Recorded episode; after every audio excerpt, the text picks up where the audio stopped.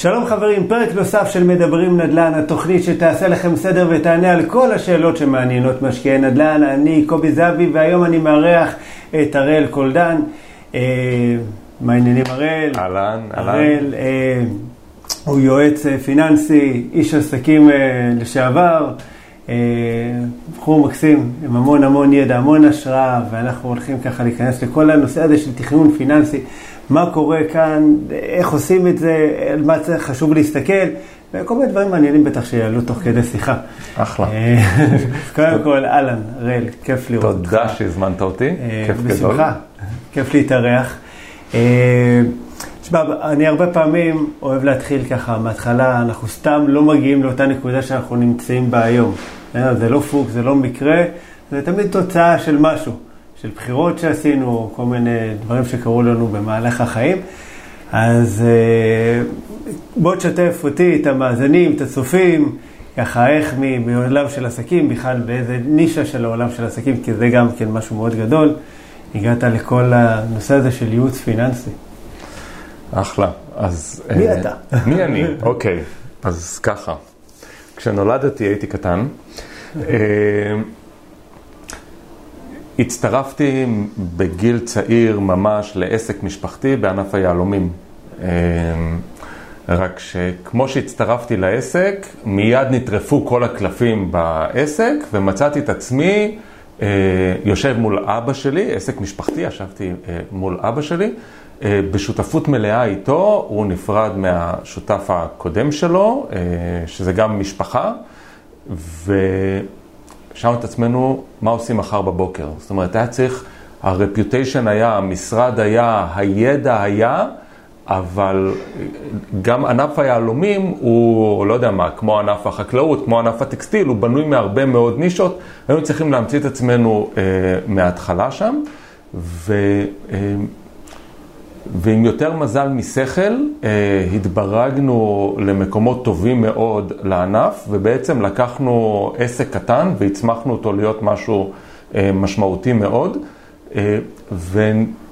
מהר מאוד, כאילו נזרקתי למים, לא של עסק קיים, אלא של להצמיח משהו מאפס ולהגדיל אותו. זאת אומרת, הקשרים מחדש, הנישות שבהם עסקנו מחדש.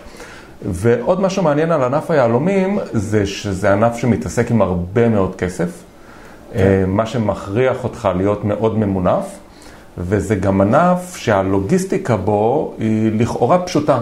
זאת אומרת, מהיום למחר סחורות עוברות מהמשרד ברוסיה למשרד בישראל, אחרי יומיים הם נמצאים במשרד בהונג קונג ואחר כך בטיוואן. זאת אומרת, העולם קטן, העולם שטוח, והיות וזה עסק מאוד ממונף, אז אה, זה לא שאין עסקים גדולים, יש גם עסקים מאוד גדולים ביהלומים, אבל אפשר להגיד ששלושה אנשים יכולים להזיז הרים.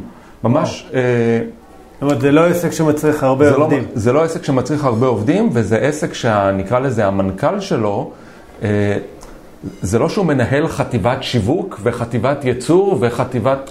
אלא אני, הראל הקטן מכפר אורנים, הייתי אחראי על הקשרי ספקים והייתי יושב עם ה... החברה הממשלתית הרוסית ובא איתם במשא ומתן ועם האנשים שמרכיבים אותה. הייתי אחר כך הולך ובונה את הקשרים שצריך בהונג קונג כדי לשווק שם כמו שצריך, ומנהל גם את המפעל, אז לעבוד גם עם הרוסים, נקרא לזה הפשוטים יותר, ועם האנשים שעובדים בשבילי שם, ומנהל את העסק בארץ, ויושב עם המפקח בבנקים על הקצאת אשראי ועל המינוף ועל הכל. בעצם בחלקת האלוהים הקטנה שלי, בהיותי עצמאי כל החיים, אבל גם אף פעם לא עבדתי באיזה חברת ענק, אף פעם לא הייתי מנכ"ל של 300 עובדים. כן. רק שעבר דרכי הרבה מאוד פעילות בכל המחלקות של העסק. ניהול רצפת ייצור ויצירת קשרים עם ספקים ועם ממשלות. ולילה ישן פה ולילה ישן שם, וכאילו ג'טלג אני מחוסן לגמרי, כאילו... הוא כבר לא מבין... כן, כן, וגם מצאתי את עצמי בהפרשי טמפרטורות קיצוניים, כאילו הייתי ביקוצק במינוס 45, ו-72 שעות אחר כך בהודו בפלוס 30, זאת אומרת כזה... אז מאוד מאוד מורגל בלהיות נע ונד, וגם לעבוד עם כסף גדול ולנהל מערכת גדולה. וכל זה בעסק משפחתי קטן מאוד, שבעצם אה, כמה עובדים, כמה שותפים, ו... אז אה, מצאתי את עצמי עם המון ניסיון אה, פרקטי בניהול סיכונים, בהבנה של תהליכים, בהבנה של... אה, שלא לפחד משום דבר, כי אני יודע שאני יודע להזיז ערים. זאת אומרת, פתאום זה נראה לי הגיוני שאני יכול לדפוק בדלת של חברה ממשלתית רוסית ולהגיד להם, שלום, אני אראל, מכפר אורנים, אה, רוצה לדבר איתכם, רוצה להציע את עצמי, כן. מוצא את הדרך לעשות. אה, ואפשר גם להגיד שכמו, נקרא לזה, כל יהלומן טוב, אז גם מצאתי את עצמי מעורב בהשקעות אחרות. פה משקיעים עם קבוצה כן. נדל"נית בחו"ל, פה משקיעים עם uh, קבוצה נדל"נית בישראל. השאלה, אתה יודע, המיומנות הזאת, השאלה אם היא הגיעה, אתה יודע, בזכות זה שגם הגעת ממשפחה כזאת, אתה מרגיש שזה תרם לך או ש... בטוח כן. בטוח כן. זאת אומרת, אתה היה סוג של מנטור כזה. כן, אבל אתה יודע, זה, זה דווקא, וואי, שאלה מעניינת, כי היא מצריכה אותי לחשוב, אין לי תשובה מוכנה. אה, אני חושב שזה בא לידי ביטוי בהמון המון תשומות הוריות קטנות, ולא באיזה שב בני, יום אחד כל זה יהיה שלך. כי כן. קודם כל, אה, זה לא, לא היה דבר כזה שיום אחד כל זה יהיה שלך. זאת אומרת, באמת, עוד פעם, ענף היהלומים יש לו את השם שלו וגם אנשים עם הרבה מאוד כסף. לא, אנחנו לא משפחה עם הרבה מאוד כסף. כל מה שיש, הרווחנו לבד. אה, סבא שלי היה פועל יהלומים, אבא שלי הקים את העסק לבד.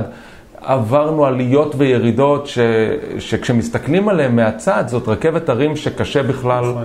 אה, נדבר יותר על עצמם. זה לפעמים נראה מאוד נחמד לנהל עסק. גם אם הוא עסק רזה, כזה של שלושה, ארבעה עובדים, אה, יש שם הרבה אתגרים, זה כל הזמן עליות ומורדות. זה כל הזמן, ואתה כל הזמן מייצר את זה מההתחלה. זאת אומרת, קשה מאוד להגיע למשהו שעובד מכוח האנרציה. נכון. אתה צריך לקום בבוקר ולייצר כסף. כן. ואסור לך לעשות טעויות. דווקא, עכשיו זה לא שלא עושים טעויות, אבל יש טעויות שאפשר לסבול ויש טעויות שלא. כי דווקא בעסק ממונף, אז אני פעם, יצא לי מין דוגמה כזאת, שאמרתי, אני הרגשתי שאני כאילו יושב על גג של קרחון, כאילו על הקצה, אבל אני אחראי לכל מה שמתחת למים. עכשיו, המשמעות של הדבר הזה, שכשמעלים את מפלס המים בקצת, אני יכול לטבוע, מורידים אותו בקצת, אני מתעשר ביום. זאת אומרת, גם הגלים האישיים הם מאוד מאוד, כאילו, אתה אמור ללמוד לחיות בשלום עם טעויות, עם הפסדים, עם הצלחות גדולות. זה לא לצאת לחגיגות כשיש רווחים גבוהים מאוד, ולא להיכנס לדיכאון כשיש כן. ימים קשים מאוד, ויש מהכל. זה כאילו כמעט מובטח שיהיה מהכל.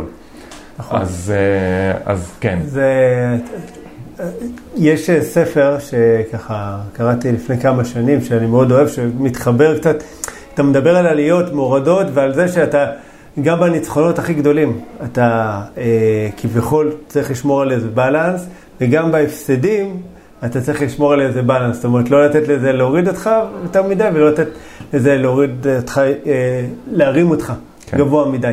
וזה קצת, לי, לי זה מאוד מתחבר לה ככה לפילוסופיה הבודהיסטית, בסדר? ויש לי איזה נגיעה אחת או שתיים אה, לעולם הזה, ויש ספר מקסים שנקרא לאו היהלום.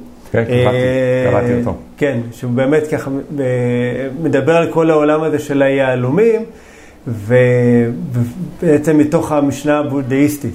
לאו היהלום זה סוטרה, מתוך הכתבים הבודהיסטיים העתיקים. אה, בסדר? אז כאילו מאוד מרתק, אה, ספר באמת יפה. אה, אז זה כזה מתחבר לי לעולם הזה. אז כן, אז כן. אז אני באמת חושב שהאמת שזה גם מסר קדימה, כי אני חושב שהתשומות ההוריות האלה של איך אנחנו מתייחסים לכסף, הרי כסף זה, זאת מילה מורכבת, זאת אומרת בוא כן. נשאל כן. מלא מלא אנשים וכל אחד בא עם השק שלו מהבית ועם החינוך נכון. שלו מהבית, וזה... זה לא רק מספרים, בסוף זה מתמטיקה, אנחנו כפופים לחוקי הפיזיקה הפיננסית, כן. אוקיי? אה, אבל האופן שבו אנחנו מתייחסים לזה, בפחד, בהישרדות, ברצון לטרוף את העולם, במאניה דיפרסיה, או באיזשהו איזון, או בלשים כל דבר בקומפרטמנטס שלו, כאילו, יש משהו בתשומות ההוריות שאנחנו יכולים לתת לילדים שלנו, ומשהו ב... שאם אנחנו יכולים למצוא בעצמנו מה לשנות, או איך להתייחס לאתגר הכלכלי שלנו בכלל, מה זה כסף בשבילנו, ואולי לא כל הכסף בשבילנו הוא אותו כסף. יש את הכסף כן. של ההישרדות, ויש את הכסף של ההנאה, ויש את הכסף של הצמיחה, ויש את הכסף... כן. ולכל אחד מהם להתייחס בצורה שונה, ואז פתאום, הרי לכסף לא אכפת מי עושה אותו. כאילו, כן. הכסף אדיש, נכון? זה רק אנחנו עם עצמנו מגיע לי, לא מגיע לי, אני יכול לכבוש את העולם, אני לא יכול לכבוש את העולם, זה, זה שיחה שלנו עם עצמנו. נכון. שכנענו את עצמנו מה אנחנו, ועכשיו אנחנו מתפלאים שהעולם, אה, מה שנקרא, כן. בנה את האקווריום בגודל שלנו. כן. לא, אנחנו יכולים.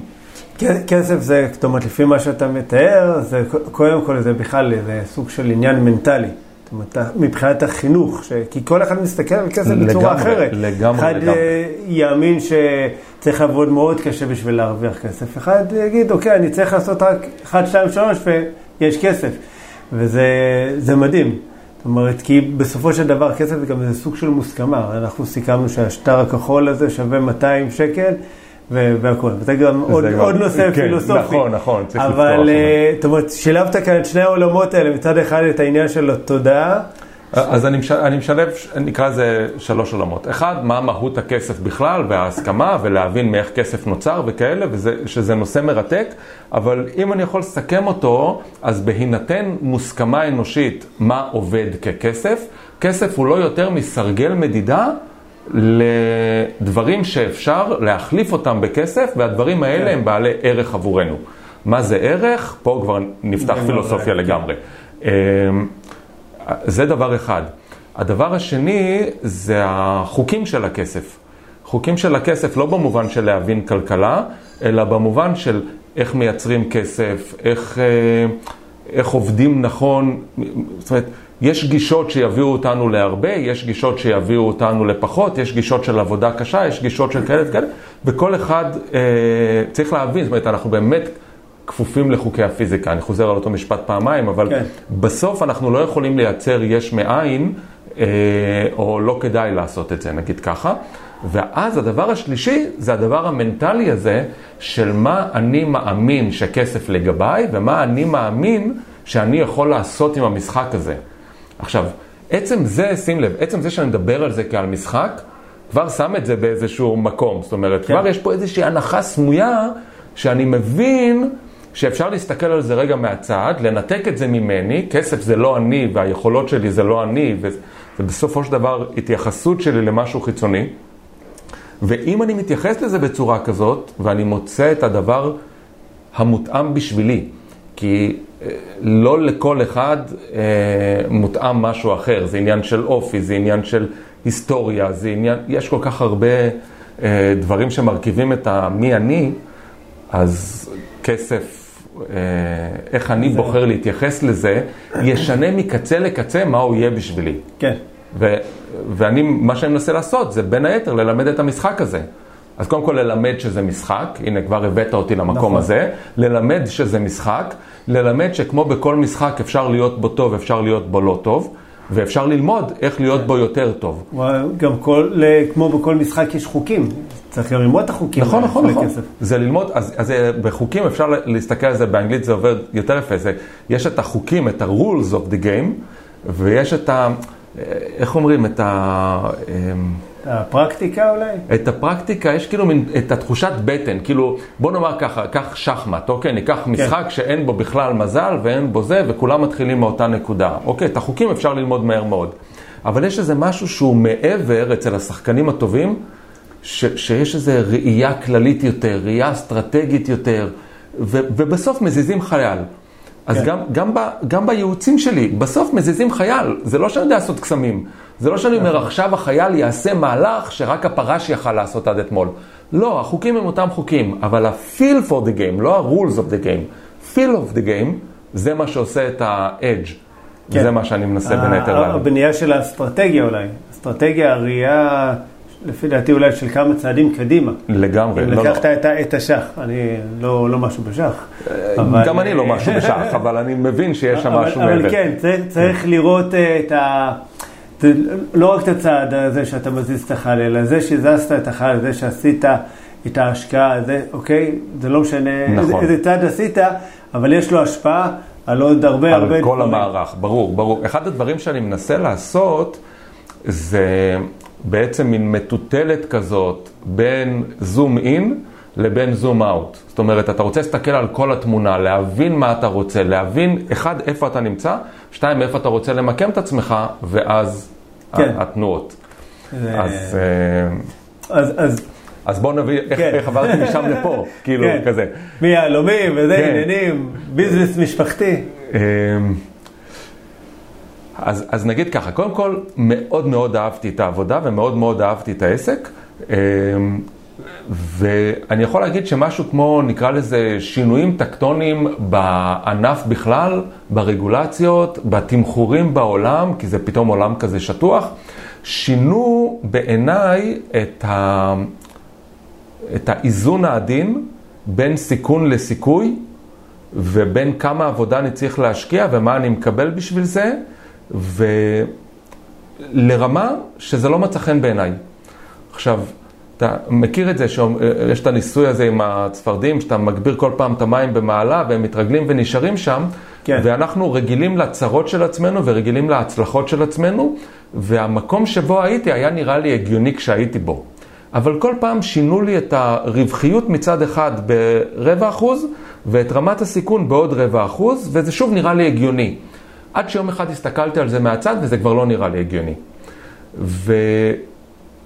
ותמיד אמרתי, הייתי יכול למות יהלומן מאושר. זאת אומרת, אם לא, אם לא היו השינויים האלה, הלאט לאט הזה, או אם היה לי אופי אחר, כי גם ברגעים אלה ממש יש הרבה חברים שלי שנשארו בבורסה ועושים הרבה כסף. זאת אומרת, אפשר עדיין להתפרנס ולהתפרנס בכבוד ולהרוויח יפה.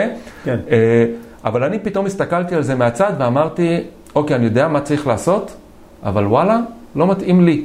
עכשיו, לא מתאים לי הראל האישי, זאת אומרת, באופי שלי, במשמעות של כסף בשבילי, במשמעות של סיכונים בשבילי, של בית בשבילי, פתאום משהו שם אה, נראה לי שאני כבר לא במקום הנכון. זה, אם תרצה, מישהו הזיז את הגבינה שלי, כאילו, אתה יודע, כאילו, זה, זה כל פעם הזיזו בקצת, ואז יום אחד באתי ואמרתי, רגע, רגע, לא, לא רוצה ללכת לחלק הזה של החיים. כן, זה כאילו מישהו, הזיזו בקצת, אבל אתה יודע, קצת זה כמו שנתת את הדימוי עם הצפרדעים, אנחנו מפתחים איזה סוג של אה, זבילות והסתגלות, נכון. ואנחנו בסוף נתקעים באזור הנוחות. נכון. כאילו, כל פעם מעלים במעלה, אבל המעלה הזאת הופכת להיות האזור הנוחות נכון, שלנו. נכון. עד שאיזה רגע אחד, אוקיי, מכונן, ממש, רגע זהו, מכונן. לא, לא נוח לי. פתאום כן. אתה, אתה מבין, רגע, לא נוח לי. אני כן. חייב לעשות, אה, לזוז. ואז מצד אחד, אני יכול להגיד שכאילו נדחפתי אל מחוץ לענף, אל מחוץ לעסק, אבל באותה מידה אני יכול להגיד שאם הייתי רוצה, אז עדיין הייתי יהלומן מאושר, עדיין מרוויח, עדיין מתפרנס בכבוד. זאת אומרת, כן. לא... אה, יש, יש שאלה של האם אתה הולך ממשהו או האם אתה הולך אל משהו, אוקיי? ו... אז אפשר לבוא ולומר שמשהו דחף אותי לצאת ממשהו, זאת אומרת לצאת מהענף ולשאול את השאלה הגדולה מה אני אעשה כשאני אהיה גדול, אבל על השאלה הזאת כבר היה לי יותר קל לענות. כן, הבנת מה אתה, הולך לעשות לא, כשתהיה גדול? כן, כן, אבל לא, לא היה פה איזה grand master plan, זאת אומרת, לא, כן. זה לא שנורא נורא רציתי אה, לעסוק בעולמות החינוך והייעוץ, וזה משך אותי החוצה. לא, אבל מרגע שיצאתי, ולקחתי לעצמי מין שנת חופש כזאת, ש, שפשוט הייתי ב easy לגמרי, אמרתי, אני צריך ככה, לא, זה ממש כמו פרק ב' בחיים, כאילו לא לעבור מא' לב' ולמחרת יש לך זוגיות חדשה וזה, אלא אמרתי, בוא נירגע קצת, נהיה קצת לבד, נ, נעשה בירור עם עצמי, אבל הנושא הזה של, אה, כאילו תמיד אמרתי שאני שני דברים אה, לא. אני, אני מורה מבוזבז, כי במהות אני יכול להיות מורה, וגם אדריכל מבוזבז. במהות אני נורא נורא אוהב מבנים ועיצובים ויכולת של ראייה תלת-ממדית ו, ולעשות התאמה אישית ולא רק לבנות אה, ארמונות כן. בחלל, אלא ליצור את הקשר הזה שבין הארמון הספציפי הזה ל- למשפחה. שהוא יתאים גם לצורך. שהוא יתאים לצורך. צורך של המלך. בדיוק. ואני חושב שבאופן טבעי לשם הלכתי. זאת אומרת, היום אני ממש רואה את עצמי כמורה, כי אני ממש מלמד אנשים אה, להתייחס על עצמם שונה בכל מה שקשור לכסף, ומה שאני בעצם בונה, אני באמת אדריכל פיננסי. זאת אומרת, אני באמת מנסה להתאים לא אנשים לתוכנית, כי יש לי בראש איזשהו שטאנץ שהסלון צריך להיות פה והמטבח צריך להיות פה. לא, בואו תספרו לי איך הבית שלכם מתנהל, בואו תספרו לי מאיזה בית כלכלי הגעתם ואיזה בית כלכלי אתם רוצים לייצר ובואו נבנה לכם ארמון. כן. כפוף לחוקי הפיזיקה של מפתחים ועומסים ואור ורוח וכל מה שיש באדריכלות. אז אני בעצם ממש בונה עם אנשים תוכניות פיננסיות, בתים פיננסיים, ומה שאני חושב שמה שהדבר המהותי ביותר שאני עושה, זה שאני גורם לאנשים להבין שלא בונים חדר ועוד חדר ועוד חדר וזה מין משהו כזה גדל ומודולרי, כי רוב האנשים שמגיעים אליי סופר אינטליגנטים ועשו לא מעט כסף בעצמם. רק מה? כל צעד שהם עשו, או אם תרצה כל הרחבה, כל טלאי על טלאי על הבית הראשוני שהיה להם של חדר אחד, הוא הגיוני כשלעצמו. כן. אבל אין שם את התוכנית מלמעלה של בוא, מה שנקרא, נעשה פירוק והרכבה ונבנה את זה מאפס, נכון. וזה מה שאני מנסה לעשות. אני מנסה ללמד אנשים לצאת מעצמם, להסתכל רגע על הפיננסים שלהם, כמו שמסתכלים על בית, או כמו שמסתכלים על עסק ועושים לו תוכנית עסקית. אז בואו רגע כן. נסתכל על עצמנו, נבדוק רגע, קודם כל מה יש לנו, ואחר כך נבדוק רגע אה, מה הפוטנציאל שלנו, מה, מה תוואי השטח אם תרצה, או מה קורה מסביבנו, ומה אנחנו מוכנים לעשות בשביל להתקדם, ונשלב את כל הדברים האלה ביחד עם איפה אנחנו רוצים להיות, ואז נעשה reverse engineering ונשאל מה עושים מחר בבוקר. אבל פתאום השאלה שאיתה באים אליי, הרי כולם באים עם השאלה, יש לי מיליון שקל מה לעשות איתו, יש לי עשרה מיליון שקל מה לעשות איתם. נכון. ואני אומר, לא יודע, רגע, בשמה באנו, אז מה יצא לנו מזה? אומר, רגע, רגע, רגע, בואו נתחיל לשאול את השאלות. איך אתם רואים טלוויזיה, ביחד או לחוד, איפה אתם אוכלים, איך אתם מבשלים, כמה זה... אה, עכשיו אני מבין, ופתאום הכל ברור.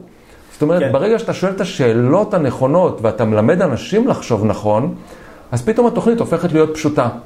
וזה שזה נראה קל בדיעבד, זאת האומנות בעצם. זה כמו סודוקו כזה, כן? כשאתה מסתכל על סודוקו פתור, אז זה נורא ברור שכל מספר נמצא במקום. אבל אתה מסתכל על כזה, כן. אתה... זה, זה, זה גם מביא אותי לעוד איזה עניין, ש...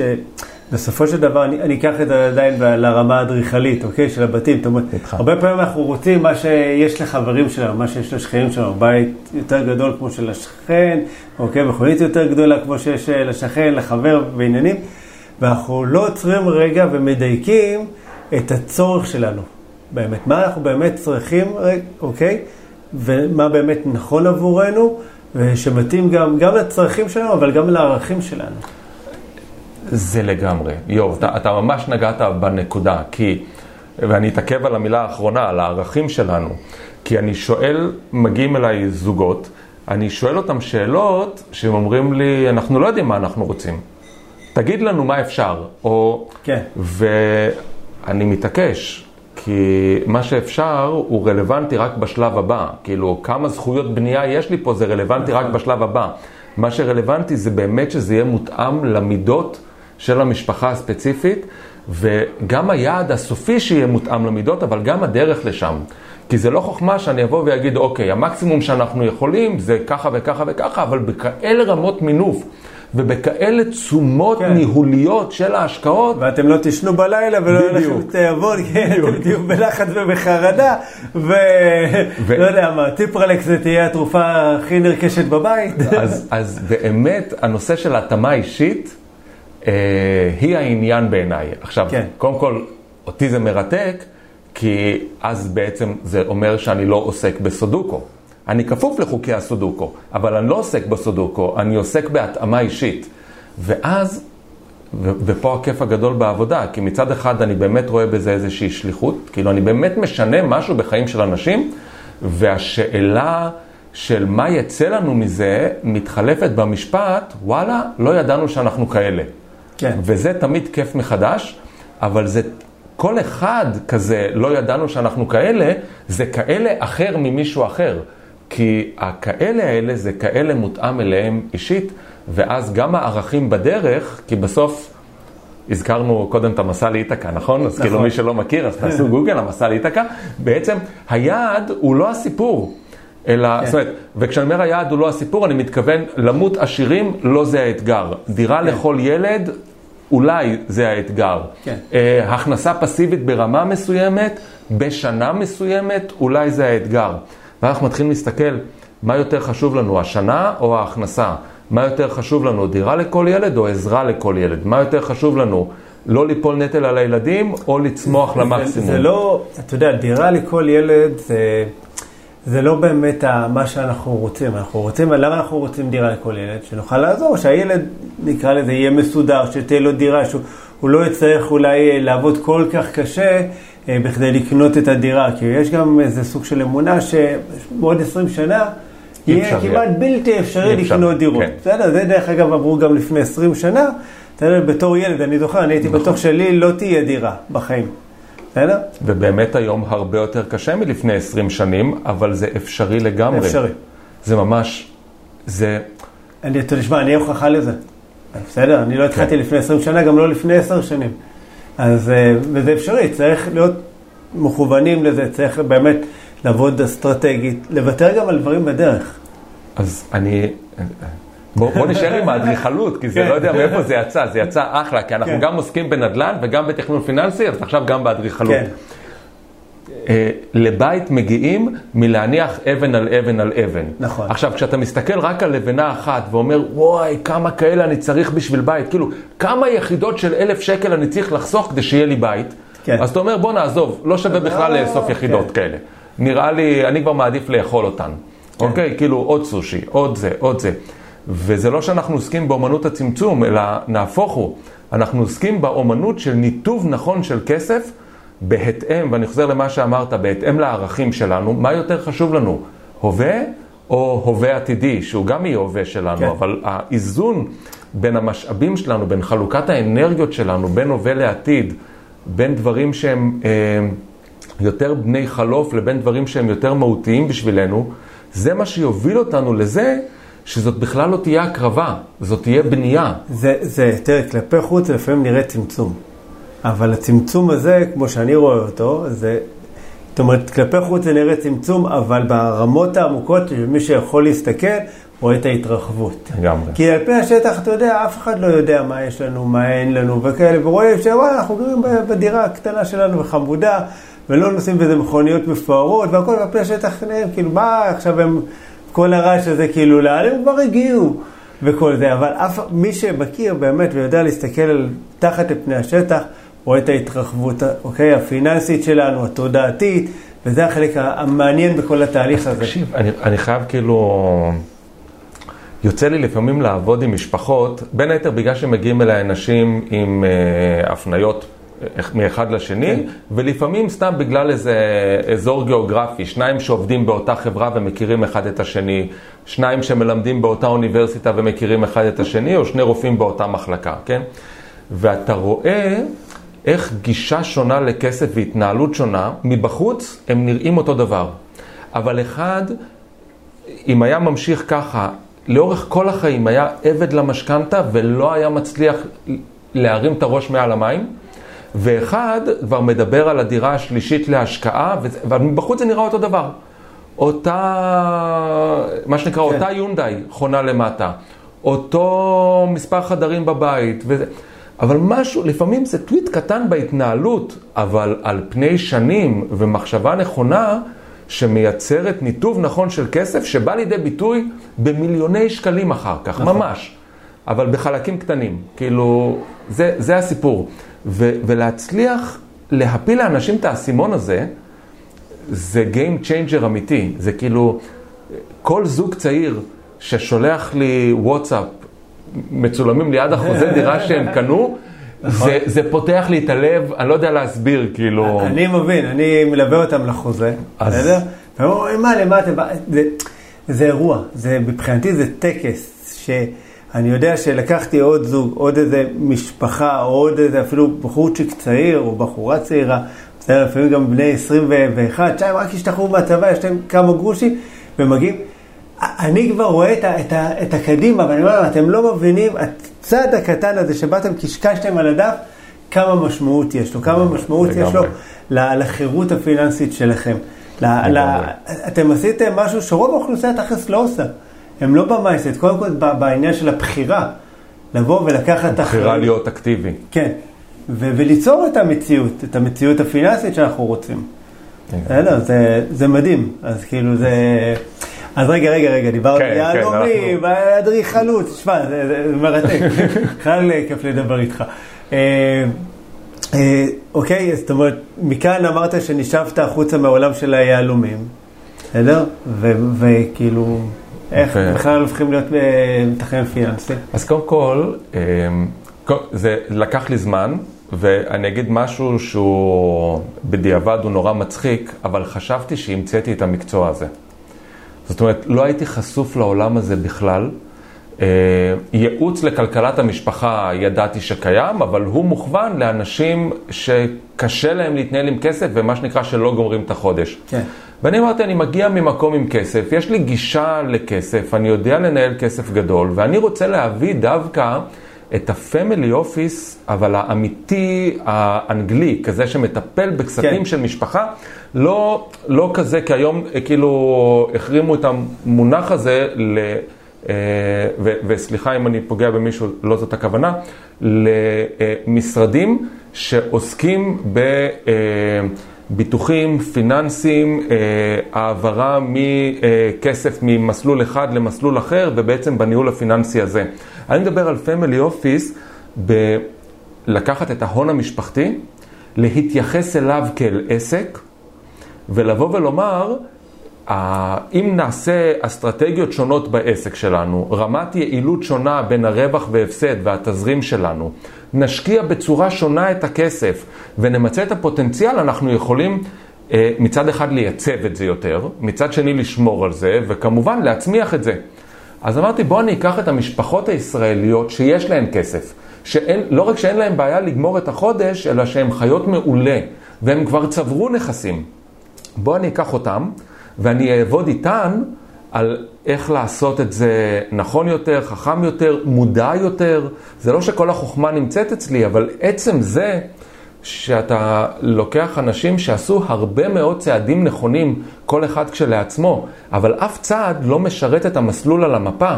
ואתה בא ואומר להם, כן. רגע, בואו נפרוס רגע את המפה, נראה שיש כמה מסלולים אלטרנטיביים, וניתן לווייז לבחור לנו את המסלול הנכון. אולי אנחנו רוצים יותר עם נוף, אולי אנחנו רוצים הכי מהר, אולי אנחנו רוצים פחות פקקים, אולי אנחנו רוצים לעצור בדרך במסעדה טובה. נכון. אז בואו ניקח את זה ונהפוך את התהליך לתהליך מודע. ואני אומר, חשבתי שאני ממציא, ואמרתי, אם אני אקח אנשים עם כסף, אני אלמד אותם להתייחס על הבית שלהם, כמו שהם מתייחסים לעסק שלהם, ואני בעצם אעזור להם להפוך את זה לתהליך שבו מחליטים החלטות אסטרטגיות ומיישמים אותם, אני אצליח לקחת אותם יותר. אז קודם כל הייתה בזה המון, אה, היה לי המון אי ודאות, סליחה, אי ודאות, אם בכלל הישראלי הממוצע שיודע לעשות כסף יהיה מוכן לבוא לייעוץ כזה, כי בשביל מה אני צריך אותך? זה כאילו ה... כן. וכשאמרתי לאנשים מה אני רוצה לעשות, אמרו לי, עזוב, חבל, בוא תחשוב על מקצוע אחר. כן. כאילו, עכשיו, ככל שנכנסתי לזה וככל שזה, אז אני רואה שיש עוד ועוד. לא המצאתי את זה, זה הומצא הרבה לפניי, ויש מעולים שעושים את מה שגם אני עושה. אני היום חשוף אליהם באמת הרבה ברשתות החברתיות, ככה גם הכרתי את קובי. אה, אז יש, אה, לא המצאתי, זה היה פה לפניי, רק שחשבתי על זה לבד, בלי לדעת שזה קיים, כן. וזה הצליח לי מעל ומעבר למצופה. זאת אומרת, אני באמת חשבתי שאני הולך לעסוק בתחביב שלי, שזה גם להתעסק עם כסף, זה גם אה, ללמד, זאת אומרת לעסוק באיזשהו תהליך של אה, העברת ידע או שינוי mindset. לימוד זה לא סתם להרביץ תורה במישהו, אלא... כן, אה, זה, זה, זה לא קצת... שאנחנו רגילים בבית ספר. לא, לא, לא, זה, זה כמעט אני אגיד אה, עשייה רוחנית. אוקיי, עכשיו, אה, אני מדבר פה על עשייה רוחנית ואני מדבר איתכם תכלס על איך לעשות כסף. אבל לא, זאת עשייה רוחנית, כי אם הרוח עובדת נכון, הכסף זורם נכון, ואני לא מדבר פה על מיסטיקה, אני מדבר פה אה, על התייחסות, זאת אומרת, בסוף, מה קורה? בסוף ה mindset שלנו ומה שאנחנו מאמינים לגבי כסף גורם לנו לפעולות אחרות בחיים. עכשיו, רק הפעולות האחרות הן מה שיגרמו לכסף, אבל בלי ה mindset הנכון לא היינו עושים אותן. נכון. אז זה, זה כאילו, פה אני קושר את זה, ולכן אני עובד עם אנשים הרבה על, ה, על הנושא המנטלי הזה. אה, אתה מרגיש שהישראלים אה, זורמים, זאת אומרת, עם הרעיון הזה? אז, אז תראה, אני, אני יכול להגיד ככה, תראה, אני נקרא לזה one man show, אני, אין לי עובדים ואני לא מעביר את, זאת אומרת, בסוף אני נותן שירות לבד. ובהיותי כזה, אני מאוד מוגבל למספר הלקוחות שמגיעים אליי. אז קודם כל, רעיון הזה הוא דו-צדדי כזה, אני מוודא עם האנשים שהם מתאימים לי ושאני יכול לעבוד איתם ולפוטנציאל, והם כן. כמובן מראיינים אותי כדי לבדוק למה אתה ומה כבר יצא לנו מזה ולמה לא אחרים וכאלה. אמ, אז אני לא יכול לדבר סטטיסטיקה כי אני צריך מעט מאוד לקוחות, ואני יכול להכיל מעט מאוד לקוחות, ובסוף יכול להיות שהאחוז שמגיע אליי הוא צ'ופצ'יק של הצ'ופצ'יק של הצ'ופצ'יק של הישראלי הממוצע. אני רק יכול להגיד שיש המון המון כאלה ואני לא מצליח להכיל את כולם, אוקיי? אז בסופו של דבר, אם אנחנו שופטים את הישראלי הממוצע לפי מי שמגיע אליי, יש פה הטיית המדגם. כי מי שמגיע הוא מי שפתוח לזה, ומי ש... ואז בעצם יוצא לי לעבוד עם אנשים סופר אינטליגנטים, עם אנשים עם פוטנציאל בשמיים, שפתוחים לזה, שמקשיבים, שעושים שינויים בחיים שלהם, ו- ומשנים את החיים שלהם מקצה לקצה. כן. אז, אז יש מספיק, אני רק לא... אני... יש, יש שפע, בכללי יש כן, שפע בעולם, מדהים, יודע, מדהים. זה, זה, זה עניין של תודה, ו- ואנחנו מחליטים... עכשיו, אה, עכשיו, אני חושב שחלק מהעניין זה, שנקרא לזה הפעילות שלי ברשתות, ואחר כך קורסים שאני מעביר, ואחר כך עוד ועוד משפחות שמגיעות, והן מביאות אליי עוד ועוד משפחה וחברים. ולאחרונה הגיעו, אני חייב לספר את זה כי אני מתרגש. חבר'ה צעירים שעשו איתי תהליך, הביאו את ההורים שלהם. עכשיו, אני מתאר לעצמי את אותה שיחה ביום שישי בערב, אנחנו כן. הולכים ליועץ פיננסי שיגיד לנו מה לעשות עם הכסף. למה אם... אתה צריך? לא, אם הבת שלי הייתה אומרת לי דבר כזה, קודם כל הייתי נזעק, לא, אני רוצה לבוא איתכם, שלא יגנבו, שלא יעשו לכם, שלא זה, הכל מכור, הכל זה. אוקיי, אני, אני מבין את, ה, את הדאגה הזאת. אבל אז כנראה הם ישבו איתם על התוכנית, ואז כנראה הם ישבו איתם והראו להם, ואז הם כן. דיברו איתם על טוב, ופתאום ההורים באים אליי, ואני עכשיו עובד עם ההורים שיש להם כבר הרבה מאוד הון, יש להם כמה וכמה דירות, ויש להם כך וכך כספים מפוזרים וזה, והם מביאים אליי את הדילמות שלהם. אז זה, זה, זה באמת מדהים. זה, זה מדהים, כי, תשמע, אתה מזכיר לי פשוט איזה משקיע שלנו, שגם, כאילו, בהתחלה הוא הגיע עם אבא שלו, ואבא שלו, אתה יודע, אני יודע, ואת כל השאלות הכי קשות, ולאורך כל התהליך, כאילו, אבא היה מעורב, כאילו, זו ההשקעה שלו, וזו השקעה שלהם, בחורצ'יק בן 23. והכל, ובסוף התהליך, אני זוכר שככה מסרנו את הדירה והכל, הוא אומר לי, תקשיב, הוא אומר לי, זה כאילו, אני פשוט נדהם, לאורך כל הדרך, הוא אומר לי, וגם אני רוצה כזה. אני, אני, אני גם רוצה, הוא אמר לי, פשוט לאורך כל הדרך הפתעת אותי, והוא היה, אמר לי, הייתי סקפטי. הוא אמר לי, כן. חיפשתי איפה הקאץ', איפה אתה תיפול.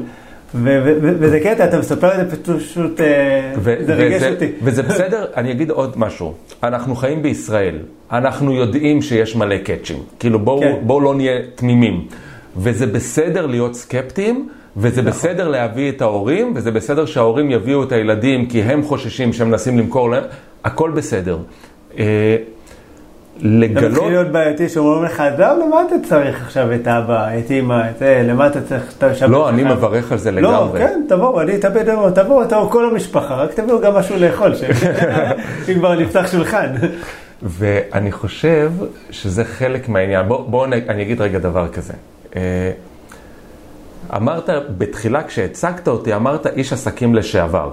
כן. עכשיו, זה, זה מצחיק, כי בעצם בניתי פה עסק.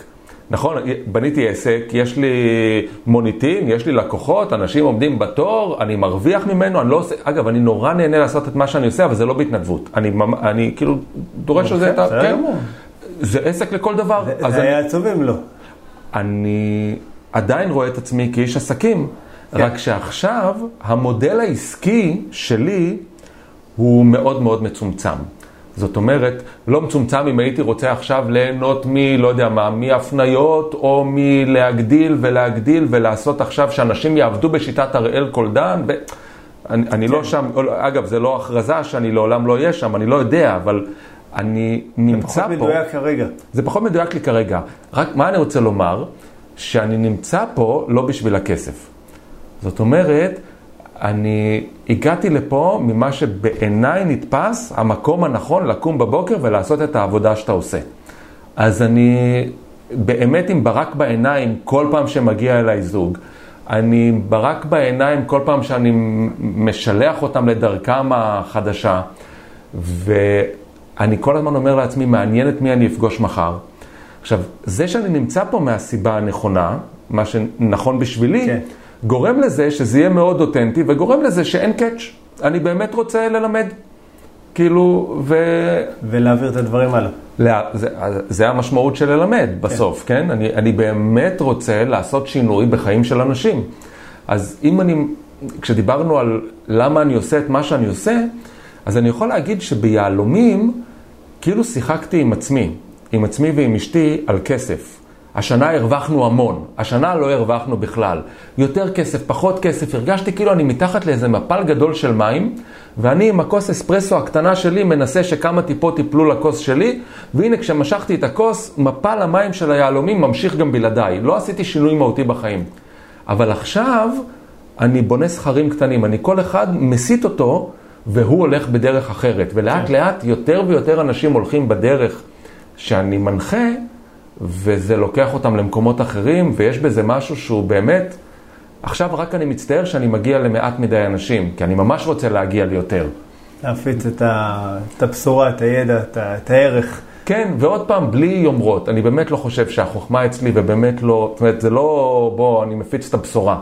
אבל את, ה, את המעט שאני יכול לתת, אני נורא רוצה להגיע. אתה יודע, עזרנו אפילו משפחה אחת, זה, זה כבר הרבה. אז... אבל אני רוצה להראות ככה נקודה שגם אני נתקל בה, הרבה, לפעמים ברמה האישית, בליוויים שאנחנו עושים, אה, וגם מה שנקרא תגובות מהשטח, וזה עניין של, לפעמים יושבים אצל אה, יועץ אה, פיננסי, ואז הוא אוקיי, או כל מיני יועצים למיניהם, והם יושבים והם בונים תוכנית עסקית, ו- ו- וכל מיני דברים כאלה, ותוכניות עכשיו לחמש ועשר שנים קדימה. ואחד, רוב התוכניות האלה, כאילו, בן אדם מסתכל, אני, כשאני מסתכל מהצד, אני לא ברור לי איך הוא הולך לעשות את זה. זאת אומרת, עם המעט ידע שיש לו, במעט זמן, ועם הכמעט אפס ניסיון, איך הוא הולך להגשים את זה. אם אני אקח את זה לעולם שלי של הנדל"ן, לפעמים אני רואה את זה, אתה צריך לעשות חמש עסקאות אקזיט בשנה, להגדיל את ההון העצמי שלך ככה וככה, אבל הבן אדם לא יודע אפילו על מה להסתכל שהוא הולך לראות דירה. איך הוא יעשה חמש עסקאות אקזיט? אתה יודע, אני אישית שעושה כאילו עשרות עסקאות בשנה, אני יודע כמה זה לא פשוט. אז כאילו בן אדם, אתה יודע, שוב, זה, זה לא זה. עכשיו, בסופו של דבר, איפה ב, ב, בעניין של לבנות תוכנית כזאת, למשפחה, לזוג, או, אוקיי, לאינדיבידואל, שזה באמת יהיה משהו שהוא ישים. משהו שהוא יוכל באמת לדבוק בו, ואם אנחנו בונים תוכנית עכשיו, אתה יודע, כמה שנים קדימה, אפילו לא לשנה, הוא צריך לדבוק בו בתוכנית הזאת לאורך זמן, וזה אתגר בפני עצמו. כן. אז... אמ, סליחה על השאלה. לא, לא, שאלה מעולה, ואני חושב שאני אתמודד איתה בכבוד. נתחיל מזה שאני מוכן לחתום לכל מי שיוצא עם תוכנית ממני, שמה שכתוב בתוכנית לא יקרה במציאות. יקרה משהו אחר במקום. החיים יותר חזקים מאיתנו, כאילו... כן. אה, הילד כן ילך לאוניברסיטה או לא ילך לאוניברסיטה, אני אקנה דירה ב-2 מיליון או ב-2.100, מס הרכישה יהיה 5% או 8% או אולי 12. כן. שוק ההון, אה, מתי יבוא המשבר? מחר בבוקר או בעוד חמש שנים או בעוד 15? אנחנו לא יודעים, נכון. אוקיי? ו, וגם החיים יכולים להפתיע, להפתיע בפן האישי. דברים שרואים משם לא רואים מכאן, בעוד עשר שנים אולי אני ארצה משהו אחר. אז העובדה, אני אגיד, זה עניין של רזולוציה של המפה. זאת אומרת, אני רוצה להגיע מכאן לירושלים. אז קודם כל אני צריך להכיר את הדרכים האלטרנטיביות שיש. אני צריך לדעת את הכיוון הכללי שאני הולך, ואני צריך לדעת באיזה כלי רכב אני מגיע לשם ותוך כמה זמן זה ייקח. כל הדברים האלה אנחנו כן יכולים לשים על, על, על האקסל, נאמר. כן. עכשיו, אם הייתי רוצה... אבל אקסל סופג הכל. או- אוקיי, אז לא. אז אנחנו נשים דברים אחראיים על האקסל, כי המטרה, אני לא בתחרות עם אף אחד כדי להראות את האקסל הגבוה ביותר, אוקיי? זאת אומרת, זה לא, זה לא האישו בכלל, אלא אני חושב שאחד הדברים העיקריים זה קודם כל אחריות לרמת המינוף, לרמת הסיכון, לסוג הפעילות שצריך ביחס לאנשים שנמצאים מולי. זאת אומרת, אין פה עכשיו, אה, מה הבעיה? אז בואו תעשו עשרה אחוז בשנה בשוק ההון באופן קבוע וקבוע ותכפילו ככה וככה ותמנפו את זה שלוש... איום ונורא בעיניי. כן. איום ונורא. עם רמות סיכון גבוהות שהריסק אוקיי, שם גם. אז, אז אני לעולם לא מפריד את הסיכון בבניית התיק כולו מהאנשים שנמצאים מולי, והם כן. מבינים את זה טוב מאוד. אני כאילו, לפעמים, אולי אפשר אפילו לחשוב שאני חכם בנושא הזה מרוב שאני מסביר ומבין את זה, אבל אני, בוא נאמר את השערות הלבנות שלי, הרווחתי אותן ביושר אה, בעסק. כי אני חושב שחלק מזה שאני מגיע מעולם של עסקים, ואני מגיע מעולם של כסף, ואני מגיע מעולם של השקעות שהשתבשו. אני מגיע מלילות בלי שינה. לא רק בגלל שגנבו אותי בעסק כזה או בעסק אחר, כי זה חלק מסטטיסטיקה, מדי פעם כולנו נופלים בצד הלא נכון. אלא גם עסקים משתבשים כשלעצמם. ואני חייב לקחת את זה כחלק מכל תוכנית שאני בונה, ולהסביר לאנשים שזה חלק מהתוכנית. ונשאלת השאלה לא מה הסיכוי שמשהו רע יקרה, אלא מה ההשלכות שלו אם הוא יקרה. וזו כבר שאלה אחרת לגמרי, ואז צריך לבדוק כאילו איזונים ואת כל הנושא הזה. עכשיו, כשאמרתי שאני יושב וחושב, חושב, חושב, ובסוף מזיז חייל, ככה גם נראות התוכניות שלי. זאת אומרת, בסוף, מספר הפעולות שמשפחה צריכה לעשות לאורך החיים, זה לא שאני הופך מישהו לאיל נדל"ן, וזה לא שאני הופך מישהו למשקיע על בשוק ההון, לא מתיימר לא לזה ולא לזה. אני עובד עם משפחות, אני לא עובד עם טייקונים. הם יודעים, מהם אני יכול ללמוד. אני עובד עם משפחות, והמשפחות, כל אחת יש לה את האופי שלה, ואני ממש מתאים את התוכנית למשפחה. עכשיו, כן. חלק מהעניין זה אופי, אבל חלק מהעניין זה ידע. זאת אומרת, יש פה עניין של בוא נרכוש ידע ונבין שמשכנתה זאת לא מילה גסה. ובוא נבין איזה סוג השקעות מותר לי למנף, ואיזה סוג השקעות אסור לי למנף. עכשיו, אה, אם אני ממנף השקעה מסוכנת מהסוג, לא מסוג הסיכון של תנודתיות, אלא מסוג הסיכון של אובדן הכסף, אני עלול להישאר עם החוב. אבל אם אני ממנף השקעה בנדל"ן ישראלי בעיר משעממת, אז אני יכול להרשות לעצמי. יותר מזה, אני חושב שזה פשע לא לעשות את זה.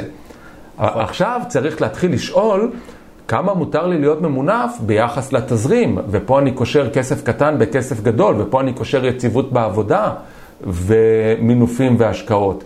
ובעצם אני באמת עומד מאחורי כל תוכנית שאני מוציא. כן.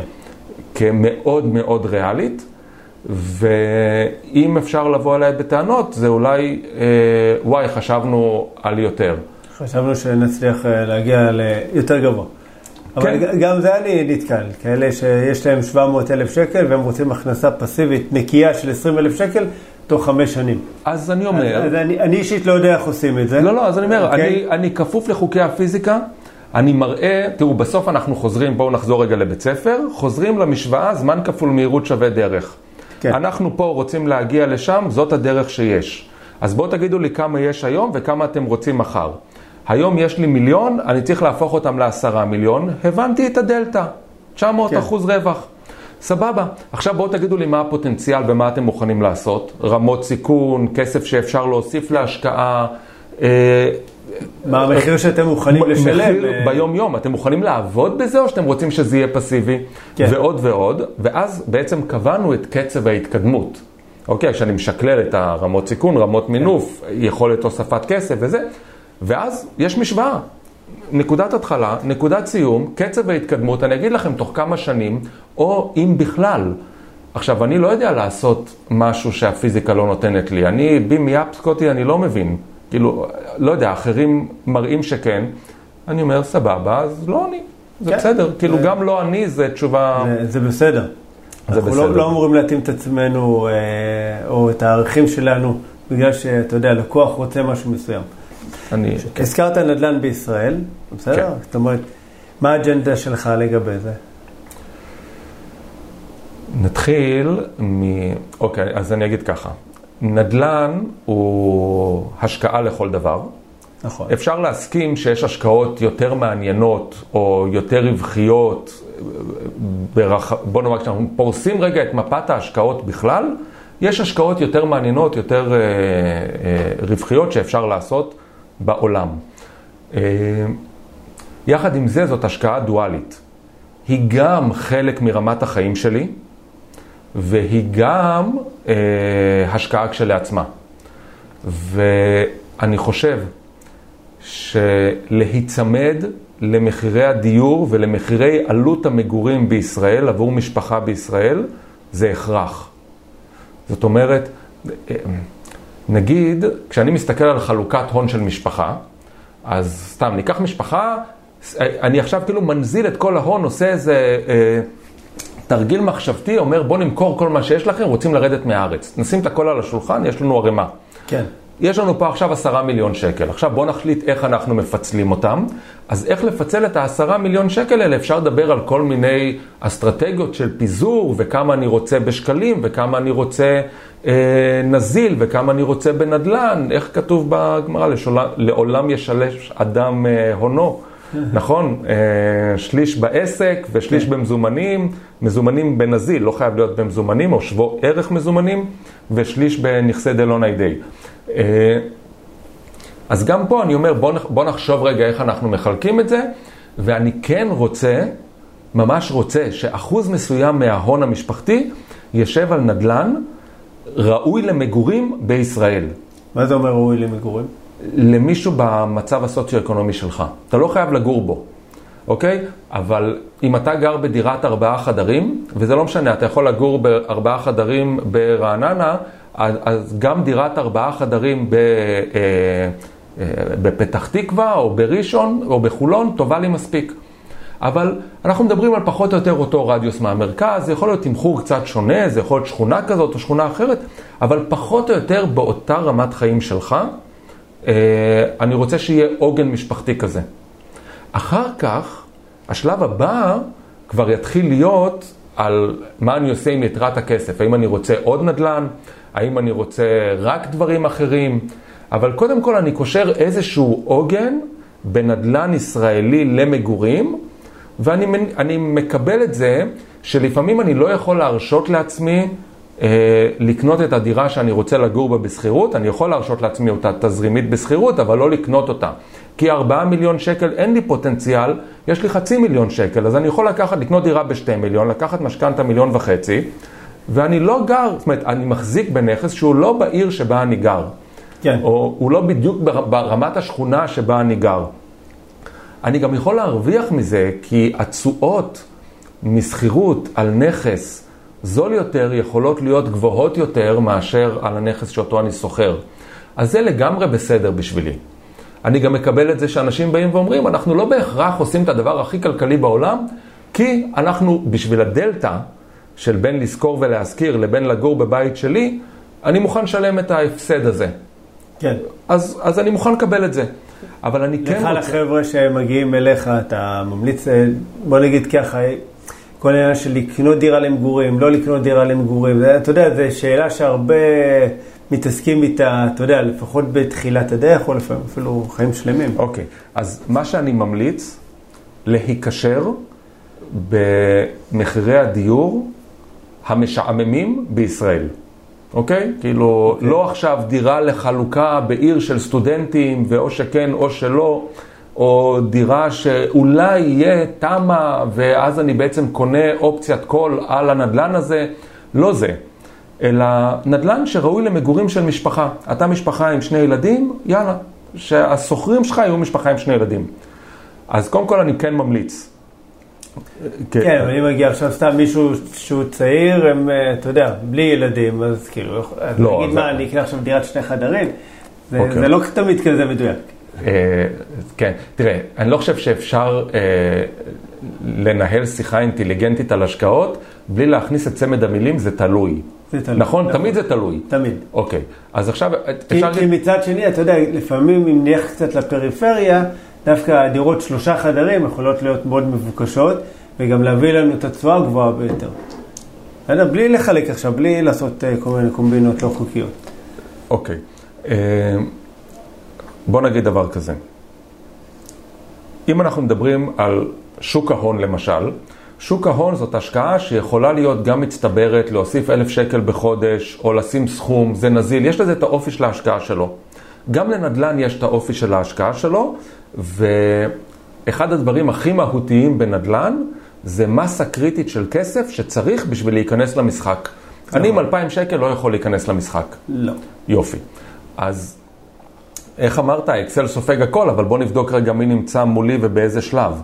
עכשיו, כשמגיעים אליי חבר'ה אה, בגיל 22-3 סטודנטים, אני אומר להם, אוקיי, אני נורא רוצה שתהיה לכם דירה בישראל, אבל אנחנו נביא אותה ברגע הראשון שנוכל. מתי זה יהיה? בוא, קודם כל, אתה זוכר שדיברנו קודם על זה שאנשים בכלל בטוחים שהם לעולם לא יגיעו לזה. אז אני אומר, קודם כל, לא חייבים שהדירה הראשונה תהיה אה, בית בכפר, כן? כן. אפשר שזה יהיה בשלבים, ואפשר שכל בית שלקחתי, הצלחתי לגייס 300 אלף שקל, אני יכול לקנות דירה במיליון 200? אוקיי. קודם כל, השאלה, כי עכשיו יהיה לי תזרים שלילי של המשכנתה מול השכירות, ואז השאלה היא, מהתזרים שיש לי, מהתקציב החודשי, כמה אני מרוויח, כמה אני מוציא, אני יכול לתמוך בתזרים השלילי הזה. אז בעצם, אני בא ואומר, יש פה מסה קריטית שצריך להגיע אליה. עכשיו, גם אם אתם רוצים לגור במרכז תל אביב, בדירת שלושה חדרים, ששווה, לא יודע מה, ארבעה או חמישה מיליון שקלים, ומשכירים אותה ב-6,000 שקל בחודש, זה בסדר, אבל אתם תתחילו מלקנות דירה במיליון 200 ברגע שאתם יכולים להגיע אליה. הצלחתם לשים בצד עוד 300 אלף שקל? הד... עברו שבע שנים, הדירה שלכם כבר לא שווה מיליון 200, כבר שווה מיליון וחצי, בינתיים גם החזרתם חלק מהמשכנתה, אז אתם לא חייבים אה, 900 אלף, אתם חייבים 600 אלף? יופי, עכשיו יש לכם הון עצמי יותר מהותי בדירה. ועכשיו יש לכם גם הון עצמי אה, שהצלחתם לחסוך במקום אחר. נחבר אותם ביחד ונעשה קפיצת מדרגה והתקרבנו לדירה שהיא יותר קרובה אליכם. אומרת, אני לא אגיד להם, בואו תחכו מחוץ למים עד שתוכלו להיכנס לדירה שלכם. כן, אבל כאן כבר מדובר ב... בעצם לעשות איזה סוג של אה, צעד אחרי צעד, עליית מדרגות בכדי לקנות איזו דירה קצת יותר מפונפנת למגורים. נכון. זאת אומרת, אם אנחנו מדברים על השקעה, זאת אומרת, ההסתכלות שלי לפחות היא, היא מאוד שונה. זאת אומרת, בא, תקנה דירה אחת, תיכנס למשחק, נצל את האחוזי מימון אה, הגדולים שיש לדירה ראשונה, בסדר, דירה שנייה, תעשה כל מיני צעדים שמותאמים, אבל כל הזמן בעצם, אה, לפחות איך שאני רואה את זה, בסוף תאסוף כמה שיותר נכסים, כי כי זה מה שיביא לך גם את ה...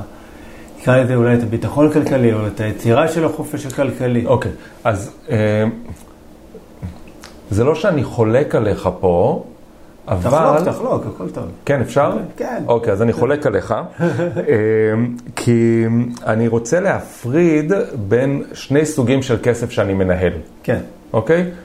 כסף שקשור ביציבות המשפחתית שלי וב... כן, כסף שקשור ביציבות המשפחתית שלי, לא נפתח עכשיו את כל מה שזה אומר, וכסף שקשור בצמיחה הפיננסית שלי ובהשקעות. כן. ו... ולמרות שזה, מה שנקרא, אם אני מערבב מים במים, זה נראה אותו דבר, אבל אני פה רוצה להפריד את המים שיש לי לשתי כוסות נפרדות. הכוס של היציבות, ושם אני רוצה בית למגורים, גם אם אני לא גר בו. זאת אומרת, אבל מאופי של מגורים ולא למטרת מסחר. כן. אז אני רוצה כזה. זאת אומרת, מקום שבוורסט קייס, ש- שלא יודע מה יכול תראה, לקרות, זה לא ש- שאני- שנוכל לעבור לגור בבית אני, הזה. אבל אני לא צריך לעבור לגור בו בוורסט קייס, כי מבחינתי יש לו שווי ערך כן. של אותו נדל"ן, אני יכול למכור אותו ולקנות משהו אחר במקומו. זאת אומרת, הוא הצמיד אותי לשוק הנדל"ן שהוא פחות או יותר דומה למה שאני צריך למגורים. אז יכול להיות שאני אצא קצת ברדיוס מאיפה שנוח לי לגור, יכול להיות שאני אצטמצם קצת ב... ב... אבל בסוף אני צמוד לשוק המגורים שרלוונטי אליי, כן. אוקיי? אז זה דבר אחד. ברגע שדאגתי לדבר הזה, אז אני פותח את המחלקה השנייה. והמחלקה השנייה היא מחלקה של צמיחה פיננסית. שם בואו נתחיל לדבר על איך אני צומח. האם אני צומח באמצעות נדל"ן? האם אני צומח באמצעות שוק ההון? האם אני צומח באמצעות נדל"ן בחו"ל? האם אני צומח באמצעות עסקים? האם אני צומח באמצעות אה, מינופים ו- ועוד כל מיני דברים שאני יכול לעשות? ושם אנשים שב... אני אומר, אנשים בהשקעות, אה, יש כאלה שלא ישנים בלילה כשהם רואים אדום בשוק ההון, ויש כאלה שהם לא ישנים בלילה כשהם צריכים לנהל סוחרים, את הסוחרים כן. שלהם, כאילו, לא משנה עכשיו איפה. מעבר לים בטח, אבל גם פה בארץ. אז אני אומר, בהתאם למשפחה ובהתאם לאנשים, אה, אפשר לבנות את ההון בנדל"ן, וזו דרך מעולה. זאת אומרת, אני מאוד אוהב לבנות הון בנדל"ן, ואפשר לבנות הון גם בנדל"ן וגם בדברים אחרים. אבל זה כאילו, כשאני מסתכל על, על החלוקה של ההון, זה כאילו מחלקה אחרת עם חוקים אחרים. כן. ואני עושה את ההפרדה הזאת. ואז בעצם יש לי כאילו מדרגות בהתפתחות הפיננסית. זה לא שביום אחד אני רוצה לעשות את אותו פיזור שהוא טוב בכל שלב בחיים. לא, בין גיל 20 ל-30 יש פיזור אחד, בין גיל 25 ל-35 פיזור אחר, בין גיל 30 ל-40, בין גיל 40 ל-60. אלה פיזורים שונים ונכונים בצורה שונה, כן. ושוב, לא רק באחוזים, אלא גם עניין של מסה קריטית של כסף. פיזור למשפחה עם 2 מיליון שקל, יהיה פיזור שונה מפיזור למשפחה עם 20 מיליון שקל, באחוזים. בסדר? לחלוטין. אוקיי, אז... אז כל... מה שאפשר לעשות איתם, אתה יודע, בטקטית זה, זה שונה. נכון, נכון, נכון. יש לך 2 מיליון או 20 מיליון. כן, אבל זה, דווקא חשוב לי להגיד ש, שיש משמעות למסה הקריטית של כסף, הוא פותח לנו דברים נוספים. כן. ו... והמקום היחיד זה שאני נותן קודם כבוד של נדל"ן, כבוד לנדל"ן למגורים, ואחר כך כבוד לנדל"ן לעסקים ולצמיחה. אוקיי, זה, ה... זה, זה קצת דעה לפי דעתי שהיא שונה, ותקן אותי אם אני טועה, כי לפחות בהתרשמות שלי, זה שכאילו, אתה יודע, אל תקנה נדל"ן למגורים, זה הטעות הכי גדולה שאתה יכול לעשות בחיים שלך, אה, זה לא פיננסי, זה לא כלכלי, זה לא, זה לא, זה לא, זה לא, זה לא, ובמיוחד, אתה יודע, אם אנחנו שנינו נמצאים גם ברשתות, אה, זה כאילו, זה הפך להיות מוקצה אם אתה קונה דירה למגורים. אה, אז שיסכלו אותי, אני שונה. אני עומד מאחורי ה... בסדר, כן. גם אני, אבל אה, אני תמיד אומר גם, השאלה, מה זה הדירה למגורים שאתה קונה? אם אתה עכשיו הולך, קונה אה, איזה, לא יודע, מבילה בשלוש-ארבע מיליון, אתה על הקצה, אוקיי. ואתה לא, לא, על הקצה הזה הוא לא בריא. לא, לא, לא. אז כאילו, אני אומר, אז למה? רק בשביל להגיד שיש לך עכשיו לא, איזה וילה? זה אנחנו מסכימים לגמרי. כן. אה, אחת הטעויות שמשפחות יכולות לעשות, זה להיות על הקצה ולא לאפשר לעצמם לפתוח את המחלקה השנייה שלי של הצמיחה. כי כן. אם אתה הופך להיות עבד למשכנתה, קודם כל זאת בחירה. אני, לפעמים אנשים בוחרים את זה, זאת אומרת, אני מראה להם, מראה להם את ההשלכות של זה, גם על אופי החיים שלהם וגם על העתיד, והם אומרים לי, אבל זה מה שאנחנו רוצים. ואז אני אומר, כן. סבבה, זה מחיר שאתם מוכנים לשלם בשביל שלום בית? go for it, אבל כן. תדעו את האלטרנטיבות. אבל להיות עבד למשכנתה, שבעצם רק בעוד 30 שנים אני אגמור לשלם אותה, והיא כל כך גבוהה על התזרים שלי, שאני בעצם לא מצליח לחסוך שום דבר, זה נראה לי טעות. אבל זה מה שקורה אצל רוב האנשים היום. לא, בסדר, אבל אני, אני נותן את הייעוצים שלי, אני לא, כן. אני לא בא לעשות אה, שיקוף של הסטטיסטיקה הישראלית, כן? זה לא משהו. לא יודע, לא יודע. זה אני אמרתי. טוב. אה, אז זה אה, דבר אחד, ואני כן רוצה להיצמד לנדל"ן למגורים. אני אגיד אולי, אולי קוריוז, אולי לא. יוצא שאותו נדל"ן שקנינו למגורים, כיוון שב mindset אנחנו לא חושבים לעשות עליו פליפים ולקנות ולמכור ולזה, אנחנו בעצם רוצים להחזיק אותו ואומרים בעוד 20 שנה נגמור את המשכנתה, זה יהיה שלנו. משכנתה. נוחה. אה, יוצא מצב שבאמת החזקנו אותו 20 שנים, וזה הופכת להיות ההשקעה הכי טובה שעשינו בחיים. עכשיו, אני מדבר על הנדל"ן שקנינו בשכונה שאין סיכוי שהיא תעלה במחיר, כי, אבל בחרנו אותה בגלל הגני ילדים ובגלל הפארקים ובגלל המרחק מההורים ובגלל, לא בגלל הפוטנציאל הנדל"ני שבה, אלא פשוט קנינו דירה כי רצינו לגור בה, שמתאימה למידותינו, שוב, לא לקפוץ מעל הפופיק. כן. ואז נוצר מצב שזה בכלל לא משנה שפתאום השכונה הפתיעה אותנו וקפצה פי שתיים בכסף. יבואו להציע לי פי שתיים בכסף על מה שקניתי את הבית כדי שאני אצא ממנו. אני אגיד, לא, אני גר פה, זה לא קשור. אם היה לי עוד דירה, הייתי מוכר לך בכיף. אבל את זאת לא. ואז עוברים עוד עשר שנים, וזה שוב נהיה פי שתיים על הכסף. ואז עוברים עוד עשר שנים, פתאום אני גר שלושים שנים, לא משנה עכשיו, עברתי אפילו מבית לבית, אבל באותה רמת חיים, ופתאום מגלים שוואלה, על אף השקעה בחיים לא באמת עשיתי, לא נדל"ן בחו"ל ולא נדל"ן אחר בארץ ולא שוק ההון ולא זה, לא באמת עשיתי פי עשר על הכסף שלי. עכשיו, זה, זה לפעמים יותר מפי עשר, כי אני מזכיר שאנחנו בודקים return on investment ולא return on equity, כאילו לא return on asset, כן? האסט כן. הוא שני מיליון, שקניתי בית בשני מיליון, אבל אני שמתי רק חצי מיליון. אם מחר גמרתי לשלם את המשכנתה והשתי מיליון היום נמכר בשישה מיליון, אז אני לקחתי חצי מיליון והפכתי אותם לשישה מיליון. נכון. יש מעט מאוד השקעות שאנחנו עושים, וזה קורה בזכות ה mindset הנכון. אז כן. אני אפילו בא ואומר, יכול להיות שההשקעה, בואו, אנחנו מחליטים שאנחנו לא קונים נדל"ן למגורים בשביל לעשות מכפלות על הכסף. אנחנו קונים את זה בשביל להיצמד לשוק הנדל"ן למגורים, או בשביל לגור בו.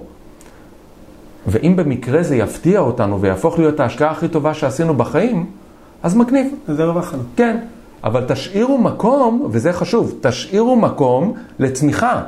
כי לשים את הכל על הנדלן, ואז בעצם מה יוצא?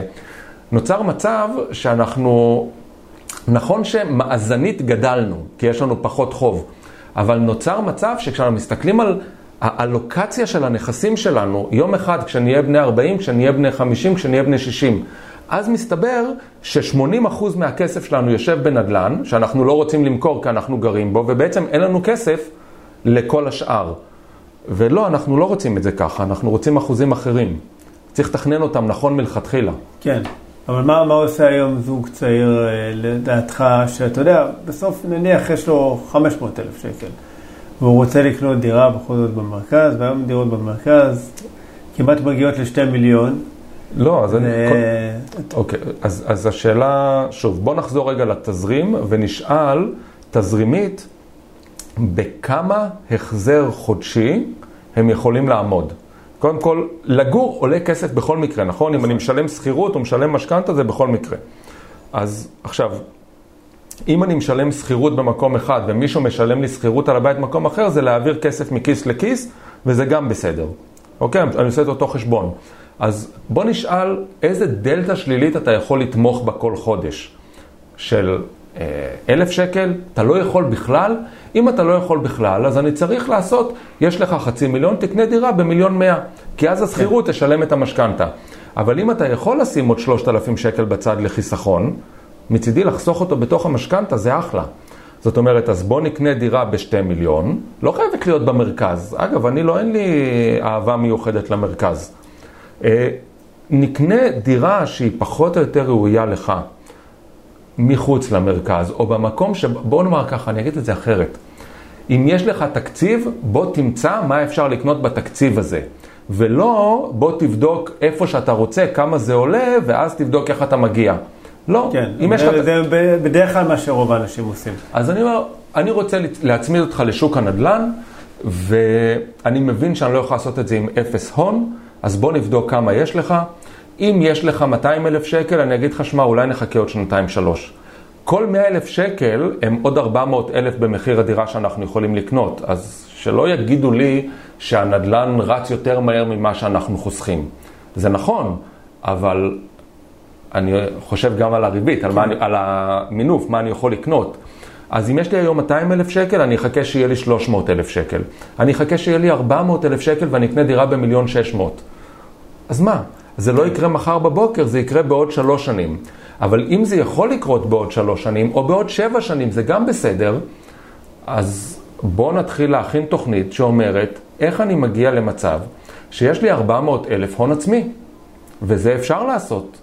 כמה זה אומר לשים בצד כל חודש, באיזה אפיקים, באיזה אופן, איך אני רוצה לחיות, איך אני מתאים את רמת החיים היומיומית שלי היום, כדי לעמוד ביעד שקבעתי לעצמי. וזה מה שהופך גם אנשים לאפקטיביים, כי עכשיו, כן. האלף שקל בהוראת קבע, זה כבר לא פחות וולט להזמין, זה כבר הדירה הבאה שאני קונה. ופתאום זה הופך להיות חיובי ולא שלילי. יש לזה משמעות... אה, לגמרי, אחר. לגמרי. וכשאנשים רואים, ופה באמת האקסל סופג הכל, וזה מגניב להראות להם ולפרוס את האקסל עכשיו 20 שנים קדימה, ואפילו אם תיקח את זה בתשואות מאוד מאוד נמוכות, אני, בוא נסתכל 20 שנים קדימה, אז עכשיו מה זה משנה אם זה יקרה בעוד 3 שנים, או 5 שנים, או 7 שנים? אתם רואים שזה אפשרי? עכשיו, בכל מקרה, צריך את השבע שנים האלה כדי שהעץ יצמח. אז עכשיו, כן. מתי שאתה רוצה להתחיל, בוא נשים אותו באדמה, אבל אי אפשר כאילו לבוא ולהגיד, אתה יודע מה, לא עושה כלום, ויום אחד אני אבוא ויקווה שיהיה פה גם צל וגם פירות. כן. בדיוק, לא, אז... אתה מאמין בנדל"ן בישראל כאפיק השקעה? כן. אוקיי, אתה יודע, אני שואל כל מיני שאלות שקופצות לי לראש, אבל כן. אתה יודע, מכל הפורומים וכל העניינים האלה, כי אבל התשואות כאן נמוכות. אז... אני משוחד, בסדר. לא, אז אה, אני לא משוחד, אני לא משוחד. אה, אתה יודע, אין לי שום עניין. המאזינים יגידו, טוב, הוא יש לו אינטרס, אבל לך, אני חושב שאתה אמור להיות קצת יותר אובייקטיבי ממני. כן, לא, אין לי, אין לי אינטרס ואני שמח להתווכח על זה. Uh, העניין זה ככה, אמרנו שאני מודד סיכון והשלכות של אירועים רעים יותר ממה שאני מודד הצלחות, אוקיי? זאת אומרת, בעצם ה... אני עוסק במשפחות, אני לא עוסק בעסקים שיכולים לפשוט רגל ולהתחיל כן. מחדש. אז הנושא של האחריות למשפחה מאוד מאוד מהותי בעיניי. ואז אני אומר, נכון ששוק ההון יודע לעשות אה, שבעה או שמונה, אגב, אני מאוד מאוד, אז בואו נעשה רגע גילוי נאות. כן. אני מאוד מאוד אוהב את שוק ההון, אני בעצמי משקיע עצמאי בשוק ההון, וחלק ניכר מהכסף המשפחתי שלי, לא משנה כל אחד ברמה שלו, מושקע ומנוהל על ידי בשוק ההון. אני מאוד אוהב את שוק ההון, לא רוצה להגיד מילה לרעתו, אלא רק על המורכבות שלו, אוקיי? אז, כן, אז כן. אני אומר את זה ככה. זה, זה, זה אותו דבר אני, זאת אומרת, לי אין נניח בעיה עם נדן בחו"ל, שלא, בסדר, מי שעוקב אחרי יודע את זה. אני, אני פשוט אומר עוד פעם, מה רמת הסיכון שאתה מוכן אה, לקחת, כמה אתה בכלל מבין לאן אתה נכנס וגם בחו"ל. יופי. אז בוא, אני אקח את שוק ההון ונדל"ן, כן. ולא אתייחס לנדל"ן בחו"ל, כי זה באמת צריך לפתוח סוגריים, ואז אם תזמין אותי עוד פעם, אז נדבר. משוק ההון אני מצפה לאיזושהי תשואה. עכשיו, זה יכול להיות תשואה של 7% בשנה או 10% בשנה, ואם אני מסתכל לטווחים יותר ארוכים או יותר קצרים וכאלה. יש לו יתרונות כמובן בזה שהוא נזיל מאוד, אבל גם חסרונות בזה שאני יכול להפוך אותו, אה, בעצם הטעויות שלי הן יותר מהותיות מההתנהגות של השוק, כי האצבע שלי יושבת על הכפתור האדום ואני עלול ללחוץ ברגע הלא נכון. ולתזמן שוק צריך ללחוץ על הרגע הנכון, זה צריך לזרוק עץ או פאלי שלוש פעמים נכון. כי צריך לדעת מתי להיכנס, מתי לצאת ומתי להיכנס עוד פעם. אחרת לא עשינו כלום. וסטטיסטית זה קשה, אוקיי? כן. וחכמים וגדולים מנסים, אז כאילו התחושה הזאת של כסף קל זה רק אשליה של כסף קל. לא. אה, בגלל האופי של שוק ההון, אני לא מרשה למנף אותו. אוקיי? כאילו, מאוד מאוד נזהר עם מינופים לשוק ההון. זאת אומרת, לקחת הלוואה על חשבון... לקחת אה, כסף, להשקיע אותו בתיק השקעות, לקחת השקעה כנגד, הלוואה כנגד התיק השקעות הזה. עכשיו, לא משנה אם זה פוליסת חיסכון או תיק השקעות מנוהל בבנק, אפשר לקחת הלוואות כנגד ולשים את זה עוד פעם בשוק ההון ולהגיד הרווחתי פעמיים. גם כל אלה שהם אה, ממנפים קרנות השתלמות, קופות גמל וכאלה? השאלה מה אני עושה עם הכסף. אני מאוד אוהב... לא הולך לקנות עכשיו טסלה חדשה. לא, לא, אלא... זה רגע, רגע, רגע, אה, לא, לא, בוא נשים רגע בצד, הלוואות לצריכה. זה לא אנחנו. נכון. אנחנו בהלוואות לצמיחה. לוקחים את הכסף בדרך כלל והולכים להשקיע אותו, אתה יודע, זה נדל"ן אז... בארץ, בחו"ל או... לא, לא, אז סבבה, כן, כן, זה בדיוק. כי לקחת את הכסף מהמינופים האלה ולהשקיע אותו בנדל"ן בארץ, התשובה היא כן. לקחת ולהשקיע אותו בנדל"ן בחו"ל, התשובה היא אולי, מה שנקרא, תשכנעו אותי.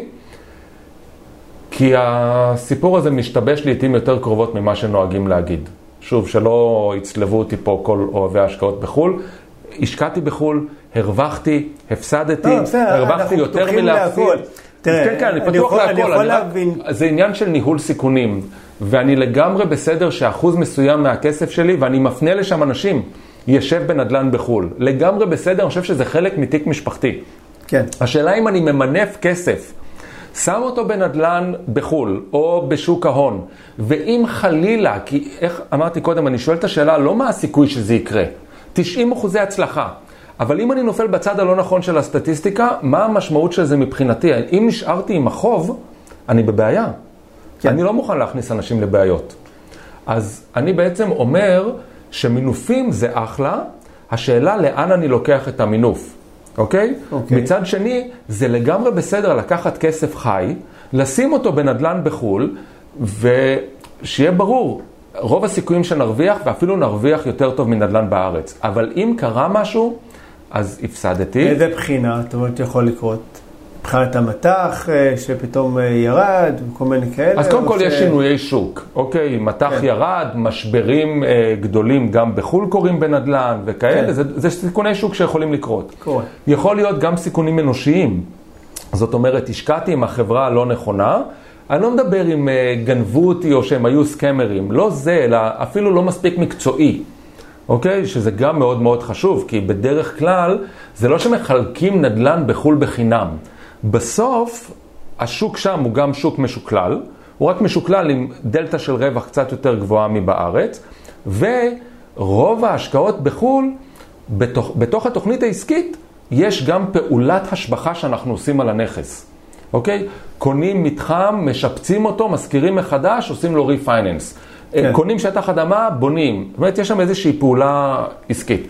ופעולות עסקיות יכולות גם להשתבש. עכשיו, גם אם אני, גם אם אני הייתי מנהל, זאת אומרת, אני לא בא להאשים אף אחד, או, אלא גם אם אני הייתי מנהל, זה עדיין היה יכול להשתבש עליי. הקבלן פשט את הרגל, אני צריך להחליף קבלן, אז הפרויקט התעכב בעוד שנה, וגם עלה לי 50% יותר על הקבלן, ולכן גם עלה לי 50% יותר ב... בעלות דברים המימון. קורים בחיים, אתה יודע, דברים זה- קורים. לא, לא, זה בסדר גמור. עכשיו, גם בדרך כלל זה לא קורה. כאילו, בדרך כלל זה עובד חלק ועובד מעולה. אבל העובדה שזה יכול לקרות, וכיוון שזה גם ממונף, יכול להביא למצב שאני עלול להפסיד או נזילות, או, זאת אומרת, אני צריך את הכסף חזרה, אבל אני לא יכול לקבל חזרה כי זה תקוע בפרויקט, או שאני עלול באמת להפסיד את הקרן, או חלק ממנה. אם זה קורה, אני נשאר עם החוב שמינפתי בשביל ההשקעה הזאת. ואז אני עכשיו צריך קודם לכסות את החוב הזה, ורק אחר כך לחזור לצמוח. כן. עכשיו, זה תמיד מבאס להפסיד כסף. אני רק רוצה שאם נפסיד כסף, כי זה חלק מהמשחק, כבר אמרנו, אם נפסיד כסף, אני רוצה שזה יהיה רק מבאס. בסדר? כן. זה העניין. לא עכשיו כזה משהו ש... לא משהו שהוא Game Changer ומשנה לי את החיים. זה ה... מזה אני רוצה להימנע. ו... וזאת הסיבה שאני גוזר את הרווח מהנדלן המשעמם בישראל ממינוף ולא מזה שהוא השקעה טובה על האקסל. על האקסל זאת השקעה משעממת עם תשואות נמוכות, אני יודע. אבל אני מביא את זה לאותה רמת תשואות שיש לי באלטרנטיבות, כשאני גוזר את הסיכון, לא מרמת התנודתיות, הנזילות, או מרמת חוסר הוודאות על הדברים שיכולים להשתבש, אלא דווקא מהמינוף שלקחתי, בזכות זה שהוא מאוד משעמם. כן. אם הוא לא היה משעמם, לא הייתי רוצה אתה לקחת יודע, מינוף. לפעמים משעמם זה מילה גסה, אבל אני לפעמים אני כאילו... בהשקעות לפעמים אוהב שמשעמם לי. שאתה יודע, זה עובד, לא מתקשרים אליי, אז- מגיע פעם בשנה, מחתים חוזה שכירות חדש, ומשעמם לי עם הנכס. בסדר. אז- אז אני אגיד- זה לא- זה לא תמיד כזה מרתק, אבל זה מקדם. אני אגיד עוד משהו עליי. אם מישהו היה עושה רנטגן לאופן שבו הכסף האישי שלי מנוהל, משעמם, הוא לא היה אומר. זאת אומרת, זה לא שאני מאמין בהשקעות משעממות, זה לא שאני... אני רק חושב שההתאמה האישית, זה מה שרלוונטי. עכשיו, כשאתה נתת לי דוגמה קודם לתוכניות אה, פיננסיות כאלה, תוכניות כלכליות כאלה, שאומרות לבן אדם, תעשה חמישה פליפים בשנה, אחרת התוכנית לא תעבוד, זה בדיוק המקום שאני הולך בכיוון הפוך ממנו. זאת אומרת, אני בודק איך אפשר לצמוח בלי הדברים האלה. ואז חלק מההשקעות צריכות להיות משעממות, וחלק מההשקעות ראוי שהן יהיו הרפתקניות ויוסיפו לנו רווח. אבל זה צריך להיות החלק הנכון. נכון. וזה זה גם משהו שמגיע, אתה יודע, עם הניסיון, עם הביטחון שלך. אומרת, של המשקיע, אתה של מתכוון. המשקיע. בוודאי, בוודאי. אתה, אתה יודע, בהתחלה אני אומר לאנשים, בואו, תתחילו רגע סולידי, עזבו עכשיו את ההרפתקאות. בואו, תראו בכלל אם זה מתאים, איך אתה מגיב כשהסוחר מתקשר אליך? תראה, איך אתה מגיב שהדירה פתאום עומדת ריקה? זה קורה, אי אפשר להתעלם מזה. כן, אבל יש משהו מעניין, כי את השאלות האלה, אתם יודעים, אני לא יועץ השקעות לשוק ההון, כן? כאילו כן. צריך להגיד. אה, אבל את השאלות האלה, איך תרגיש אם התיק ירד ב-30 אחוז, אלה חלק מהשאלות שיועצי השקעות או מנהלי תיקים צריכים לשאול בשביל לעשות הערכת סיכונים. אוקיי, אבל, אבל מה קורה? זה, זה קצת כמו להראות למישהו רכבת הרים ולהגיד לו, איך תרגיש ברגע הזה שבו הם עכשיו יורדים? הוא אומר, יואו, איזה כיף. עכשיו בוא תעלה על הרכבת הרים, ו- וזה מרגיש שונה לגמרי כשאתה רוכב על זה. אבל יש עוד הבדל, כי רכבת הרים, לפני שאתה עולה עליה, אתה עומד בתור, אתה רואה כמה מחזורים, ואתה רואה שלמרות כל הצעקות, בסוף כולם מגיעים בשלום. כן. אוקיי, כשאתה עולה על רכבת ההרים של ההשקעות, וזה מתחיל לרדת, אתה לא יודע עד מתי זה ירד, אתה לא יודע מתי יבוא הלופ, אתה לא יודע מתי תרגיש שאתה כאילו מאבד את זה. ולהיות בפנים ומחוץ לרכבת הרים של הגרפים, גם בנדל"ן, גם במינוף, גם בשוק ההון וגם בדירה שיש נזילה מלמעלה והרסה לך את הדירה, או חלילה הנזילה היא אצלך ואתה הרסת דירה של מישהו. כן. לחיות את זה ולדבר על זה בשאלון הלשכה המרכזית לסטטיסטיקה, ששואלים אותך, איך תרגיש עם 30 אחוז ירידה בשוק ההון? מה, אין בעיה, קטן עליי. קטן. כן, זהו, ואז אחרי חמישה אחוז, כאילו מקבלים כזה, אתה יודע, שיחה מהגיס, שהוא יודע לעשות כן, כסף. תמכור, תמכור. אז, כן, אז יש... אה, נכון, צריך להתנסות, בגלל זה גם כשאני יושב עם אה, משקיעים, אני אומר להם, בואו תתנסו, תתחילו, תראו איך זה מרגיש. אם אתם קודם כל מתחברים, אם אתם מצליחים להתמודד עם זה, ו- ואם כן, תמשיכו. תמשיכו הלאה, אתה יודע, יש כאלה שגם כן. גם אליי מגיעים סכומי כסף יפים, בוא, נתחיל מהשקעה אחת. כן. בסדר, אפשר גם לעשות חמש, אבל תתחילו, בואו בוא נראה בכלל אם כיף גם לעבוד ביחד. זה גם כן אה, שיקול אה, והכל. רגע לפני שאנחנו מסיימים, אוקיי, אנחנו עוברים לפינתנו הגבוהה, השאלון המהיר. אתה מוכן לזה? אני אספר לך את החוקים. ספר לי את החוקים, ות- כן, אוקיי. בסדר, יש לך סיבה טובה להילחץ. אה, החוקים מאוד פשוטים, אני שואל, אתה עונה, ספונטני, רגיש, חוש הומור, לא יזיק. מוכן? יאללה. תאר לי את עצמך. בשלוש מילים. לא, אני אשחרר את הלחץ. ספונטני רגיש עם חוש הומור. מי האדם שהכי השפיע עליך? האדם, אה, בטוח. יש כמה, אבל אחד כן, שקופץ נו. לך עכשיו לראש. אשתי. אוקיי, כן, יפה. אשתי שתחיה, כן. אה. יכול להזדהות. אה, ספר מומלץ? זן ואומנות החזקת האופנוע. באמת? אוקיי. זרקתי, זרק- אמרת, זה- זה שאלון מהיר, אני יכול נכון, לחשוב על נכון, נכון. מלא, כאילו, הקלות הבלתי נסבלת של הקיום, מילן אוקיי. קונדרה. אוקיי. אה, הדבר הראשון שהיית לוקח איתך לאי בודד. את אשתי. והדבר האחרון שהיית לוקח לאי בודד? את הילדים שישארו לחיות חיים מלאים, מה הם צריכים לתקע איתנו? תכלס, שיהיה לך שקט עם אשתך. אה, העצה הכי טובה שנתנו לך. חיה ותן לחיות. יפה. איזה תחביב יש לך? ציור. ציור. כן. מקסים. אני מצייר. אה, איפה אתה רואה את עצמך בעוד עשר שנים?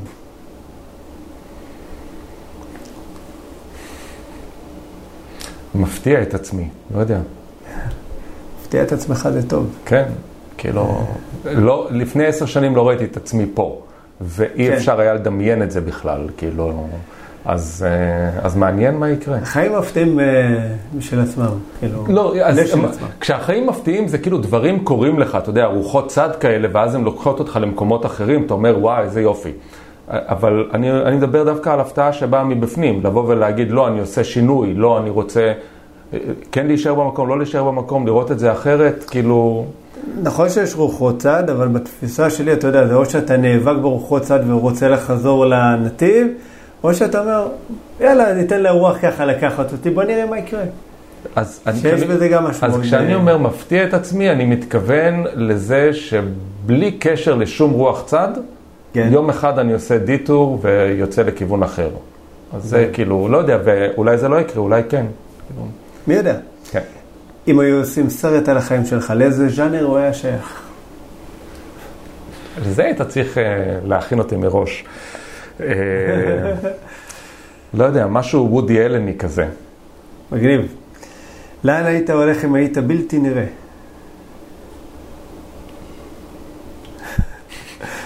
שאלון מהיר. אוקיי, לא, לא עולה לי כרגע, כן. אוקיי, כמה זמן לוקח לך להתארגן בבוקר? דקות. דקות, מקסים. אה, מה הדבר שעשית שאתה הכי גאה בו? ילדים. ילדים. ושאלה, אחרונה. רציתי. לא, לחצת אותי. היא יחסית קלה. את מי היית ממליץ לי לראיין בפרק הבא?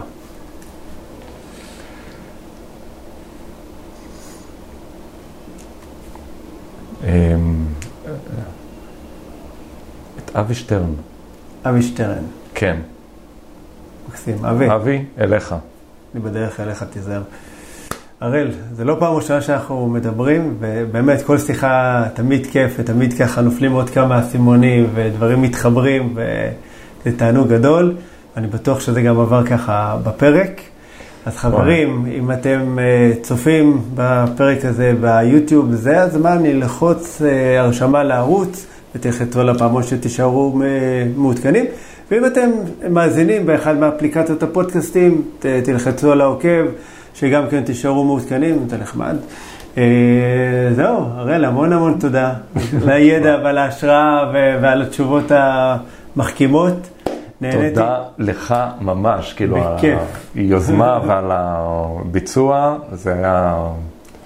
אני מקווה שההתרגשות עברה והאותנטיות עברה, אבל כן, הוא הלחיץ אותי כמה פעמים פה. אחלה, תענוג. בכיף. אה, תודה רבה חברים, תודה רבה ראל. תודה. ביי ביי.